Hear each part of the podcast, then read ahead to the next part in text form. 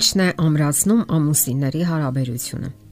Ինչպես են վարվում երջանիկ եւ կայուն զույգերը ամենատարբեր իրավիճակներում։ Այդպիսի կանոններ անկասկած գոյություն ունեն։ Յուրաքանչյուր զույգի մոտ այն իհարկե կախված է նաև անձնական առանձնահատկություններից, սակայն ընդհանուր առմամբ կան որոշակի սկզբունքներ, որոնց հետևելը երկար, խոր եւ հաճելի հարաբերություններ կպարգևի զույգին։ Պատահում է կողմերից մեկը հայտնվում է իսկապես բարդ ու պատասխանատու իրավիճակում Դա կարող է լինել բնակության վայրի փոփոխությունը, աշխատանքը կորցնելը, ծննդաբերությունը, տան անդամներից որևէ մեկի հիվանդությունը, սեփական առողջական խնդիրը եւ այլն։ Այս դեպքում մյուս կողմը պետք է հնարավորինս մխիթարի ու սատարի, ողքեվորի ու հասկացնի, որ ինքը միշտ նրա կողքին է եւ իր վրա կարելի է հենվել ցանկացած իրավիճակում։ Ասենք որ երբեմն կողակիցներից մեկը ոչ թե հենվում է մյուսի ուսերին, այլ պատկերավոր ասած, պարզապես ամբողջ ուժով ընկնում է նրա վրա։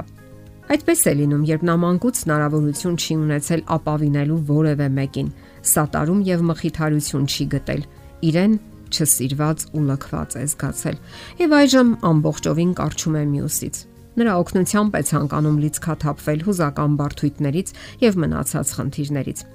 Այս դեպքում պահանջվում է, որ ուժեղ կողմը հնարավորինս սատարի եւ ոգեշնչի ավելի թույլին։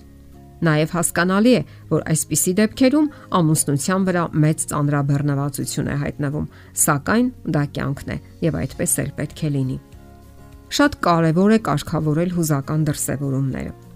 Դիմացինը հաճախ կարող է հրահրել եւ ձեզ հանել համբերությունից։ Սակայն ամուր ընտանիքի դեպքում կողմերը պայմանավորվում են հուզական զսպվածություն դրսևորել եւ արագ կարգավորել նման իրավիճակները։ Այս դեպքում վերանում են նաեւ տագնապի զգացումները, երբ կողմերից մեկը ամեն պահի բռնկումների է սпасում անզուս պամուսնուց։ Իսկ եթե կարծիքների եւ հայացքների տարբերություններ կան, ինչը միանգամայն բնական է, ապա հարկավոր է անկեղծ երկխոսության միջոցով գալ ընդհանուր հայտարարի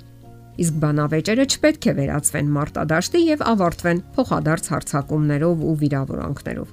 Հասուն եւ կայուն զույգերը այդպես չեն ավարտում բանավեճը։ Երբեմն անցյալը ստվերում է ներկան։ Երբ անցյալում դուք ցավոտ ապրումներ եք ունեցել, դրանք երբեմն անցնում են ներկայի միջով եւ դուք չեք կարողանում ձերբազատվել դրանցից, այլ ձուլում եք ներկային։ Հնարավոր է դուք չվստահեք ձեր կողքինին, որովհետև նախկինում ձեզ դավաճանել են սակայն չէ որ ներկան այլ իրավիճակ է կամ ամուսնու դիտողությունը ընդունում եք որպես վիրավորանք ձեր հասցեին, որովհետև անցյալում նման փորձառություն եք ունեցել։ Այստեղ շատ կարևոր է ներքին լուրջ եւ խոր աշխատանք, ներկան առանձնացնել անցյալից եւ ապրել ներկա իրավիճակի մեջ։ Փորձեք ողրել թե ինչն է ձեզ խոցելի դարձնում։ Շատերը խուսափում են ցույց տալ, թե ինչն է իրեն խոցելի դարձնում Իհարկե պետք չէ ցույց տալ այն ամենը, ինչ կա ձեր գլխում, ձեր ներսում, սակայն միանգամայն հնարավոր է ազնվորեն եւ առանց թաքցնելու ասել, թե ինչն է ձեզ նյարդայնացնում, ինչն է հունից հանում եւ խոցելի դարձնում։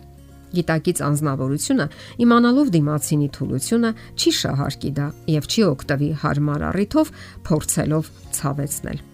Այդ խնդիրը անգամ կարող է կարեկցանք առաջացնել եւ ընթառաջ գալու եւ սատարելու ցանկություն հենց այդ ծանր պահերին։ Վիճում են բոլոր ամուսինները,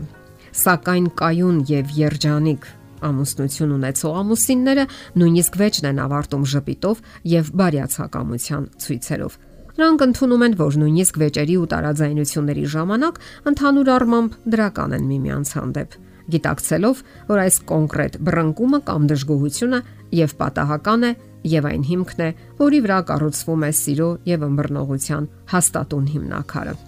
Այդպես վարվել կարող են ուժեղ եւ ամուր մարդիկ, ովքեր ընդունում են դիմացինին իր ողջ ներկապնակով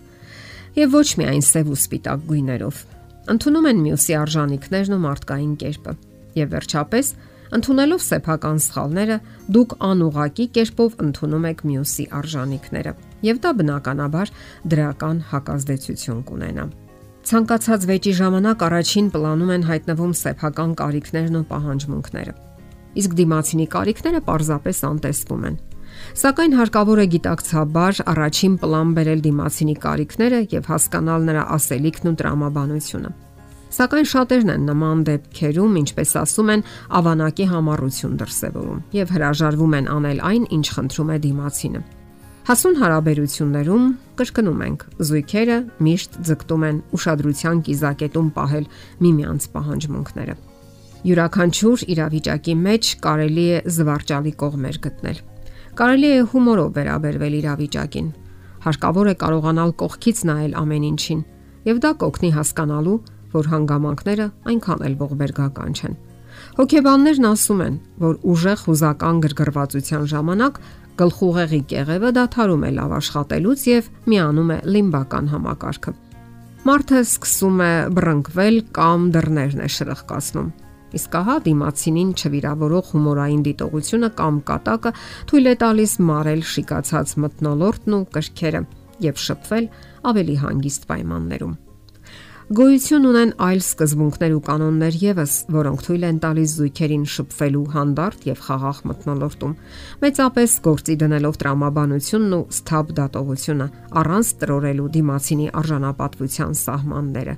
Իսկ դա միանգամայն հնարավոր է։ Եթերում է ընտանիք հաղորդաշարը։ Ձեզ հետ է Գեղեցիկ Մարտիրոսյանը։ Հարցերի եւ առաջարկությունների դեպքում զանգահարեք 094 08 2093 հեռախոսահամարով։ Հետևեք մեզ hopmedia.am հասցեով։